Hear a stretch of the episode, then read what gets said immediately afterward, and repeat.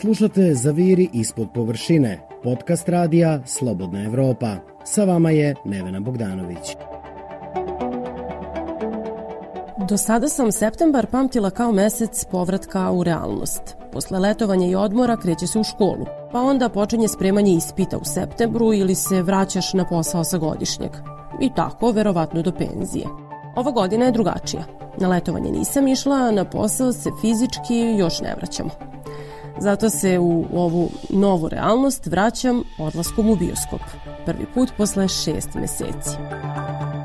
Ja sam Nevena Bogdanović, a u ovom podcastu Radija Slobodna Evropa, naravno uz poštovanje epidemioloških mera, zavirit ćemo u bioskopske sale i za pozornice prvog filmskog festivala u Beogradu koji je tokom pandemije imao pravu publiku. Francuski reditelj Godard je jednom prilikom izjavio da je bioskop najlepša prevara na svetu. I zaista ima tu istine. Prija osjećaj da unutar sale sa velikim platnom zaboraviš makar na kratko na sve brige. Ili na epidemiju koronavirusa, na primer. Za 125 godina koliko postoji film, on je preživeo i svetske ratove i ekonomske krize, ali epidemija po prvi put u istoriji zatvorila neke bioskopske sale.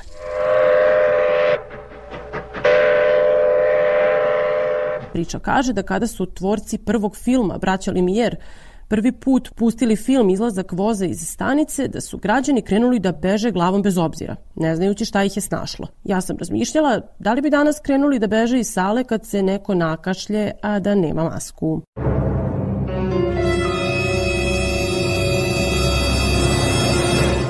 Odlučila sam da proverim.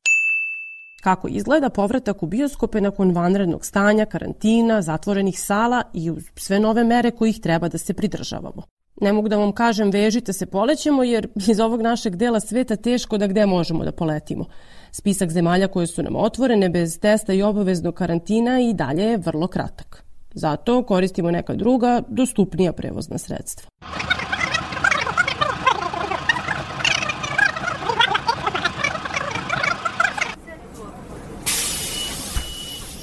Bioskopa stižem gradskim prevozom i ovo je jedan od redkih puta kada sam toku pandemije uopšte koristila gradski prevoz, valjda plašeći se korone, međutim u autobusu nije gužva iako je škola počela, ljudi nose maske i poštuju epidemiološke mere i nadam se da će tako biti i u bioskopu. Stigli smo.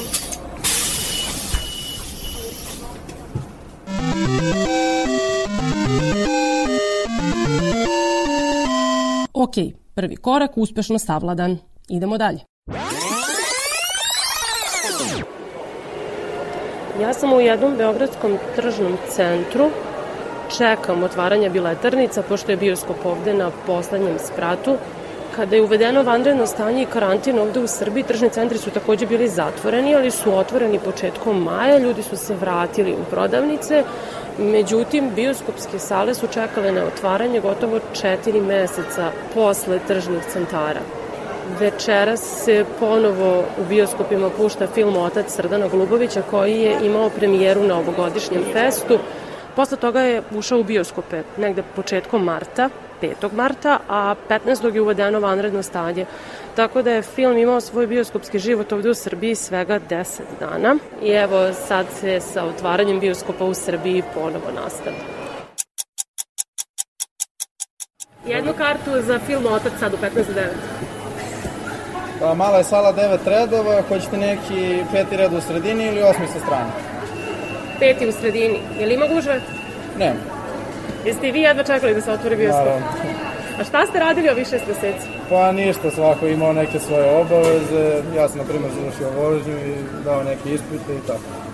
Još nešto za vas? Ništa više, hvala ti. 500 dinara. Jedino o čemu ja sad razmišljam to je da li da kupim grickalice i sok za filmsku projekciju ili ne. Ljudi oko mene su kupovali, a ja se dvoumim, prosto ne znam kako ću da jedem ako sam obavezna da sve vreme filma nosim masku. Vidim da sličnu dilemu ima i grupa momaka i devojaka koji pored mene u atrijumu čekaju film. Među njima je Kos Gaspari. Dečko koji je filmsku produkciju učio u Velikoj Britaniji. Ima svoj podcast o filmu i zaljubljenik je u sedmu umetnost. u prvim danima otvaranja bioskopa već je posetio nekoliko filmskih projekcija. Imam sve isplanirano, mislim da mi je to stvar koja mi je najteže pala i najduži period, u stvari nisam išao u bioskop od tipa svoje šeste godine. Mislim da se sklanja fokus sa možda tih nekih kulturnih stvari i onda ne znam sad koliko financijski koji sektor doprinosi državi, pa su možda po tom nekom rasporedu i otvarani objekti da bi se došlo do tog nekog cilja, ne znam lično, ali ja sam uvijek bio u fazonu ako mogu noćni klubovi, zašto ne mogu da idem u bioskop, ono, brate, sedeću s maskom, sve, ako treba, nije frka. Samo gledam film. Ja sad nosim u maske i čekamo da. na filmske projekcije. Kako misliš da će izgledati to sad kad se vratimo u sale sa maskama? Kako da grickamo u, pa? Pa, skloniš masku, uzmeš kokicu pa vratiš, ne znam, to je nekako, tako sam zamislio situaciju malo Coca-Cola, ako uspijem da ubacim u, u nekom tom među prostoru. Ne znam kako će biti pravilo unutra, da će biti kao ono u restoranu, da ovom trenutku kad se sedne možda može se skine ili ne. Ne znam da li sam neko reci, pošto mi deluje prilično slično kao znam, inače kad idemo, ali evo... Čekaju nas da vidim da li će da nas dezinfikuju kad priđemo. Nemam pojma, nadam se da će biti okej. Okay. I šta jedva čekaš na repertoaru?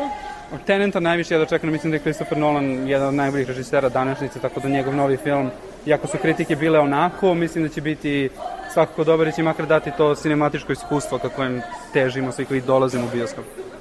A za ovih šest meseci koliko bioskop nije radio, si gledao filmove online, šta si mm, najviše Pa naravno, pratio? pa gledao sam i filmove i serije, ono malo što je izdalo po Netflixu, izašao je recimo onaj Extraction, izašao je Palm Springs i tako neke stvari koje su već bile završene produkcije pa su mogle da izađu tokom tog perioda, ali uglavnom na streaming servisima gde su izlazili filmovi sad ta velika debata da li će se neki nastaviti da izlaze tu upravo zbog čitave situacije, recimo Mulan Video sam kod nas recimo izlazi u bioskopima, dok je u Americi zbog situacije tamo i dalje ideja da će izaći direktno na streaming servisima po premium ceni lupom 30 dolara, da bi mogo se gleda u tom trenutku. Tako da je ta razlika i u stvari budućnost nekako ubrzana, ja mislim, čitavim ovim procesom koji se dogodio.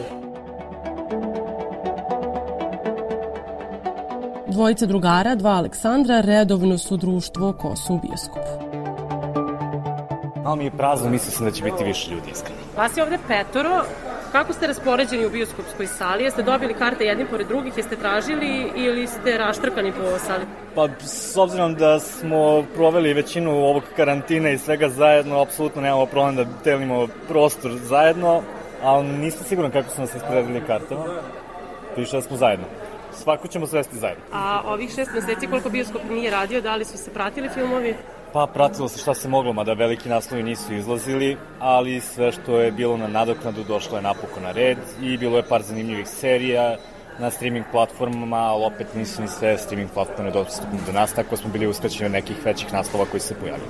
A koja je razlika između velikog platna i online gledanja? Uh, pa ima razlike samo u doživljaju i svega, ja hvala Bogu imam televizor od 75 inča, pa mi nije teško da pratim i neke filmove kod kuće. ali e, svakako ima razlike u samom doživljalju, skupljanje društva, ritualu odlaska po kokice, sedanju i svemu i naravno razgovor posle filma koji je uvek najveća čar svakog odlaska u bioskop. Večeras? večeras gledamo Nove mutante, ako se ne varam, film koji je dugo iščekivan, odlagan prethodnih četiri godine, 762 dana, evo tačnih informacija i evo napokon smo ga dočekali. To je iz Marvelovog univerzuma, ovaj, pogledao sam malo trailer, uglavnom ne volim da gledam trailer, za, da bih, i zato što trailer uglavnom otkriva ceo film, ali znam da će to biti neki klinci koji će dobiti moći zbog nekog eksperimenta i onda njihovo preživljavanje. Nisam gledao trailer, pokušavam da se iznenadim. Ovo ti je sad prvi put u bioskopu nakon što je ponovo otvoren? Jeste, da. Jedva smo čekali da se otvori, ali očekivao sam veću gužbu. Možda um, mala je ponuda i uglavnom su filmovi koji su već bili na repertoaru, pa možda je to uticalo. Na ulasku u sale svako ide svojim putem. Kos, dva Aleksandra i ostatak ekipe na nove mutante, a ja na domaći film. Odlučujem da kokice sačekaju sledeću posetu bioskopu, perem ruke i ulazim u salu.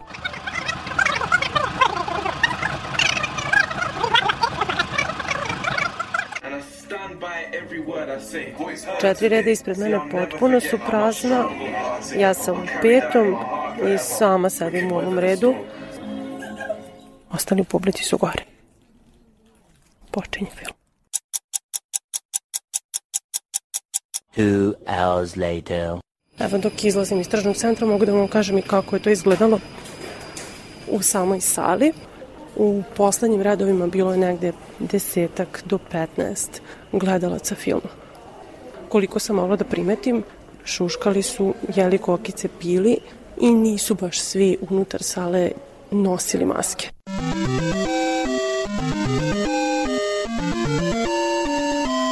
Mission accomplished. Narednog dana razmišljam da li smo požurili. Epidemiolozi kažu da je sve okay, da je situacija pod kontrolom, ali i pored svih meseci slušanja kriznog štaba i objavljenih mera, meni nije do kraja jasno. Ko piše kaznu ako se ne nosi maska? Do kad rade prodavnice, do kad kafići? Koliko nas smije da bude za stolom?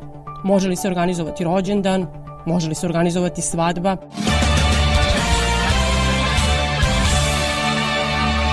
I zašto nam je bilo toliko važno da se vratimo u pozorište i bioskope? To sam pitala i sociologa Nemanju Zvijera sa Filozofskog fakulteta. Njemu je filmska umetnost polje naučnog istraživanja. Po meni taj povratak e, gledalaca u bioskop ima pre svega tu e, simboličku težinu. Ne toliko možda realnu kao želja da se pogleda film, vi danas film možete pogledati uvek i svugde, nego to pre svega ima tu simboličku važnost, e, jer e, na neki način e, predstavlja izvestan povratak u onu normalnost koja je baš rapidno bila narušena sa ovim stanjem pandemije. Mada, kad je reč o bioskopima, meni se to dosta dugo po glavi mota. Mislim da zapravo mi ovde kod nas i nemamo bioskope u pravom smislu te reči.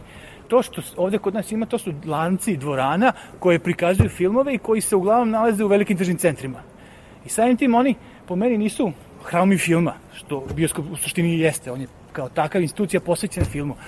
Ove dvorane za prikazivanje filmova u tržnim centrima su meni više neka odmorišta od kupovine. Vi tu ne možete vidjeti, na primjer, film, ne znam, Davida Linča, Abasa Kiarostamija, ne možete vidjeti Akija Kaurismakija, tu možete vidjeti neke filmove koji su e, komercijalno isplativi. I to ide u prilog toj tezi da taj povratak u bioskop ima tu neku pre svega simboličku težinu, a ne toliko, kako da kažem, realno neka kulturna potreba za gledanje filmova. Opet, ti tržni centri otvoreni su početkom maja pre bioskopa otvorene su teretane, otvorene su kladionice. Što smo tako dugo čekali da se otvore pozorišta i bioskopi i kakvu nam to poruku šalje koje je mesto kulturi trenutno?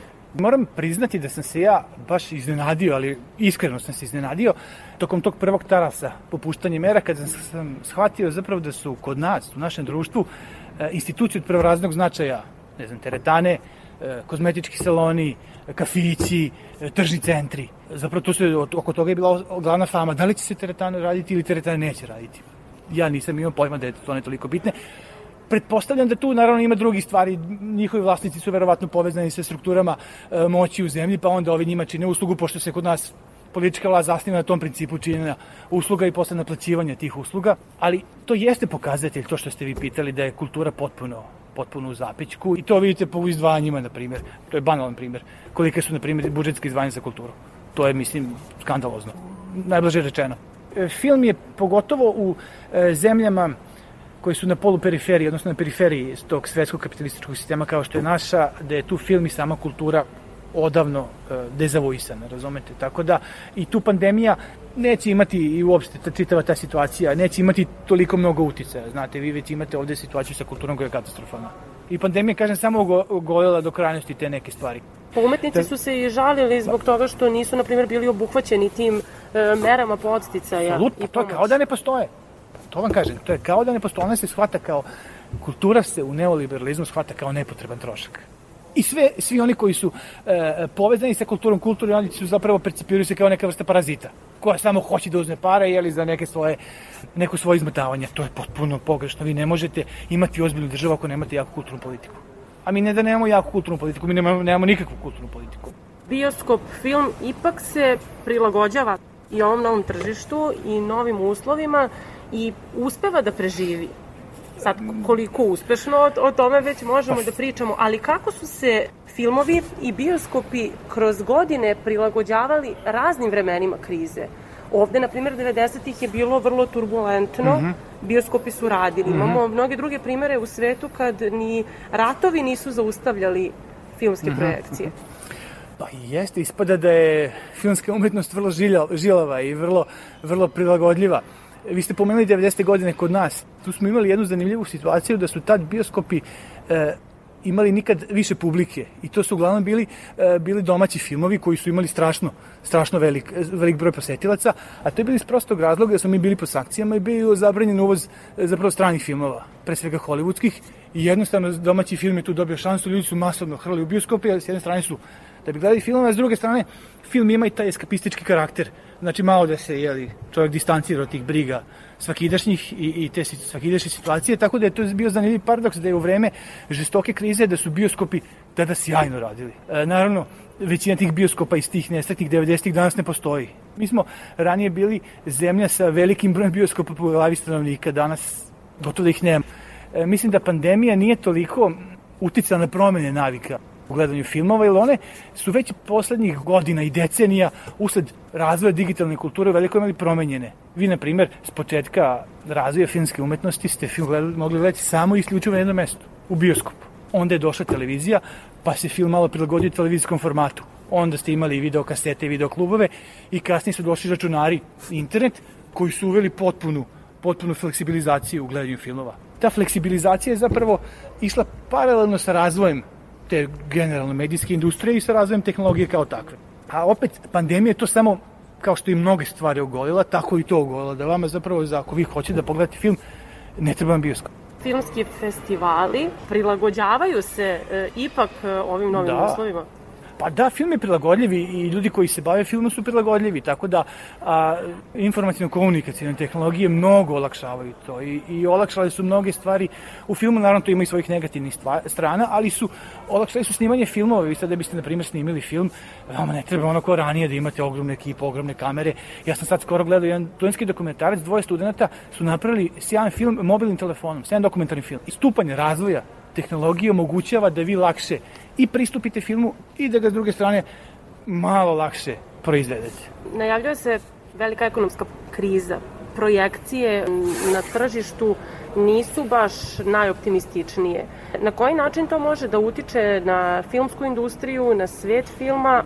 Kriza će svakako uticati, to je neminovno. Nezahvalno je prognozirati kakav će oblik imati taj uticaj i kakav će intenzitet imati taj uticaj. Stvari u tome da će se velike filmske industrije s tim lakše izboriti nego, nego ove manje nacionalne, na primjer naša ili, ili neke druge evropske, male, male evropske industrije, tako da one će to teže podneti za razliku recimo od hollywoodske koja će to pretpostavljati i one će imati gubitke, ali će opet te gubitke lakše amortizovati. A kako će uticati na samo filmsko stvaralaštvo i koliko bi, na primjer, možda pandemija bila zahvalna kao inspiracija i kao tema rediteljima? Da, da, i pre pandemije bilo je masa distopijskih i apokaliptičkih filmova koji su imali jako veliku gledanost. Ova konkretno pandemija sigurno će imati kreativnog uticaja na, na, na filmađije, to ja ne sumnjam uopšte kakav će taj uticaj biti, vidjet ćemo, ja ne verujem da će oni preslikavati samo, mada će verovatno i toga biti, ali će se e, različiti žanrovi različito odnositi prema, prema ovoj pandemiji, verovatno će neke e, e dramski sadržaj biti akcentovati o psihološka stanje pojedinaca koje su bile baš tokom pandemije onako i takođe došla, došla do izražaja te ekstremne situacije zapravo u kojima su se pojedinci nalazili u toj izolovanosti, usamljenosti, pogotovo kad je bio policijski čas. Tako da dok će ovi neki spektakularni žanrovi opet verovatno imati tek, e, tek će oni imati mnogo materijala za, za, za, za, e, za svoje jeli, filmske priče. Akcijne heroje koji pronalaze vakcine. Pa, na primer, ili ne znam, mutirane viruse koji će neke nove vrste zombija proizvesti, tako da ja uopšte ne, ne, ne sumljam da će on imati e, jako e, posticajan, da kažem, e, uticaj na, na, na, na kreativnost filmskih radnika. Slušate Zaviri ispod površine, podcast radija Slobodna Evropa. Sa vama je Nevena Bogdanović.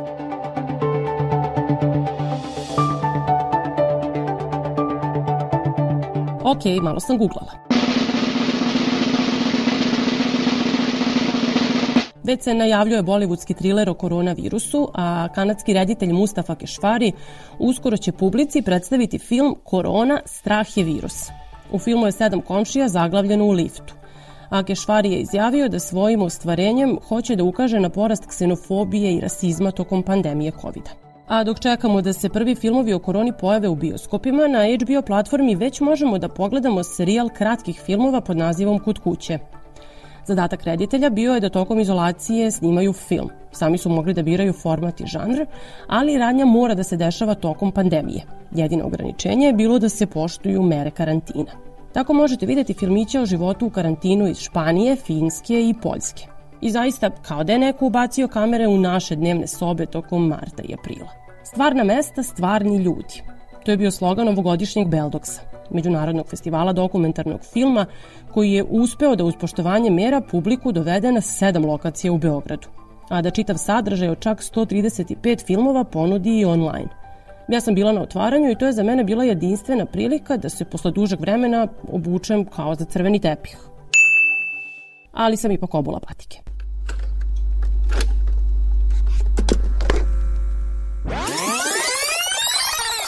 Sad ja kad stanem u red, šta me sve čeka? Za početak čitamo vam kartu i to preko telefona, znači kontakt je vama bitan da se ne, ne odigrava. A nakon toga zamolimo vas da nosite masku i dezinfikujemo vam ruke alkoholom i svim sredstvima koje smo pripremili. Poštujemo razdaljenu od 2 metra između svakog učesnika i to je to.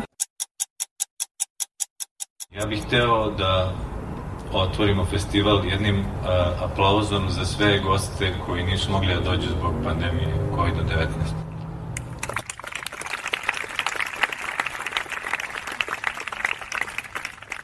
13. Beldoks je zanično otvoren.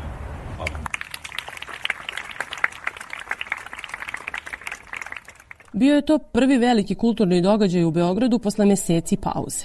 Iva Leković, producentkinja izložbe virtuelne realnosti na Beldoksu, objasnila mi je da su organizatori usled neizvesnosti koja vlada zbog korone smišljali različite scenarije kako da se održi festival i kako da deo autora ipak poseti Beograd. Na kraju je uspeo hibridni režim – da deo publike dođe na projekcije, da ostali filmove gledaju online, a da se i predavanja i sav prateći program održi preko neta. Ima to i svojih prednosti.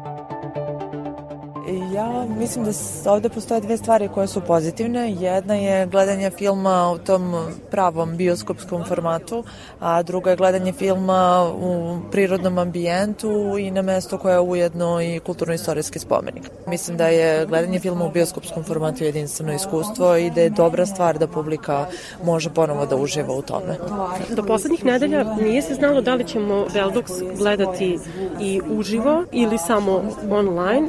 Koliko je bilo teško sada sve ovo uskladiti?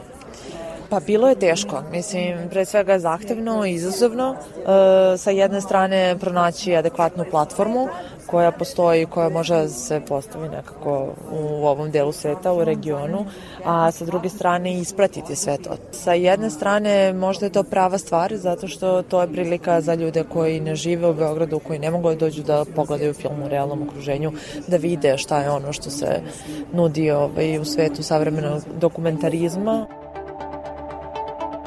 Da bi sve funkcionisalo kako treba, tu su volonteri. Njih smo čuli kada sam ulazila na festival i kada su mi tačno objasnili šta treba da radim.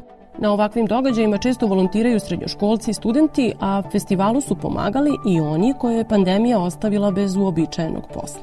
Jedna od njih je Tanja Stanković inače ovaj profesionalni plesač, konkretno balerina i tango plesač. Ali da, došla sam na festival iz razloga što bih volila da kombinujem režiju i, i koreografisanje konkretno, tako da mi je ovo divna prilika da naučim kako da se time bavim. Pa kako je e, jedna plesačica provela vreme u karantinu? A, karantin sam iskoristila konkretno za sebe i za svoju inspiraciju, tako da sam potpuno pet meseci karantina bila na planini, ovaj, gde sam iskoristila upravo vreme da naučim programe za snimanje, sve što mi je potrebno, da upravo tražim festivale i neke događaje koje će mi pomoći da napredujem u tome nakon karantina, pošto se svi nadaju da će to proći što pre. A položaj umetnika ovde sad u, u vreme pandemije? A, pa poprilično je težak moment za sve nas, da li glumce, da li plesače, da li, mislim, nebitno koga da se bavi umetnošću. Uh, u problemu smo zato što se ništa ne dešava, zato što je sve stalo i zato što su to naši jedini prihodi i jedini svakodnevni radovi i nadamo se da će samo što pre proći, vratiti se u normalu jer drugačije teško da ćemo moći da opstanemo. Da li ti imaš stalni angažman negdje ili si slobodna? A, ne, trenutno sam slobodna i zbog razloga što baš puno putujem, tako da sam internacionalni umetnik. Ali volila bih da sa svim znanjem koje im ovaj, budem dobila i naučila van zemlje, da ovde ipak ostavim najveći doprinos. Na Beldoksu srećen Gordana Matić, direktora Filmskog centra Srbije. Ta institucija je na nivou države zadužena da realizuje konkurse za podršku filmskom stvaralaštvu. Drugim rečima, da određuje koliko će novca iz budžeta dobiti određeni film. Zato sa Gordanom Matićem razgovaram o tome kakva sudbina čeka svet filma u Srbiji, jer je logično da to pitanje postavim onima koji o tome ipak odlučuju. Pa to niko ne zna, ne u Srbiji, to niko ne zna u svetu. Kakva sudbina očekuje. Sve neizvesno, nova stvarnost je to da moramo da živimo sa ovakvim uslovima, bar neko vreme. I oni koji prave, i oni koji pripremaju, i oni koji finansiraju, i oni koji konzumiraju audio video sadržaj, svi se privikavamo na tu novu realnost. E, ipak e, nisu stali projekti u Srbiji, snima se dosta filmova, snima se dosta serija, što domaćih, što stranih produkcija, deluje da je tržište ipak živo. Da, da, pa dobro, ljudi sveta filma i uopšte audiovizualnih stvarala što su vrlo snalažljivi, vrlo lako se adaptiraju na nove okolnosti. Naravno, naši ljudi su spremni da improvizuju, da rizikuju, nažalost, samo se nadamo stvarno da, da, se, da će svi ostati zdravi, da će biti sve kako treba i da je ovo jedna onako prolazna markacija našeg vremena, što će sigurno ostati. Mi ćemo svi, sve sve će zapamtiti ovu godinu, ali nadamo se da će sve to se završiti ove godine. Pitaju se umetnici hoće li biti para, hoće li biti konkursa u Srbiji za film i serije? Što se filmova tiče ove godine e, je stabilno finansiranje do kraja. U ovom trenutku, po mojim saznanjima, neće biti nikakvih problema. Sigurno ćemo ispoštovati sve konkurse i sve budžete koji su planirani. A što se tiče naredne godine, još uvijek je rano, znači za jedno mesec dana otprilike kakve će stvari biti sledeće godine. Vidimo da su u okruženju neke zemlje u većoj krizi, neke u manjoj krizi što se tiče audiovizualnog sektora. Naravno, sve će se ovo reflektovati jer je manji, manja godina i u bioskopima, kraće, manji broj je prodat e, bioskopskih karata, ali zato sa druge strane veći broj gledalaca serija, platformi, mnogo više pretplatnika je odavde, mnogo više ljudi gleda zapravo televizijske serije, ali i filmove online kod kuće. Batman ima koronu. To je bio jedan od novinskih naslova kada je objavljeno da se prekida snimanje hollywoodskog hita jer se među članovima ekipe pojavio virus. A kako to sada izgleda u Hollywoodu, gde se gubici procenjuju u milijardama dolara, pokušali su da dočaraju novinari Washington Posta. Nakon razgovora sa 12 autora hollywoodskih filmova i serija, zaključili su sledeće. Negativan test na koronu je obavezan za sve članove ekipe. Pandemija će diktirati lokacije za snimanje jer se ne može putovati po svetu i ići tamo gde je žarište. Zaboravite na masovne scene sa puno statista, a fizičke kontakte u ljubavnim scenama smanjiti na minimum. Ako mnoga ostvarenja budu izgledala drugačije, mislim da je to okej, okay, zato što svet izgleda drugačije. Tako je to objasnio Mark Johnson, producent serije Bolje pozovite Sola. A dok čekamo nove hollywoodske premijere, Oscare i svetske festivale, zavirit ćemo na neka druga, nama bliža mesta. Ovo je podcast ZIP, Zaviri ispod površine, ja sam Nevena Bogdanović i slušajte me ponovo na slobodnaevropa.org.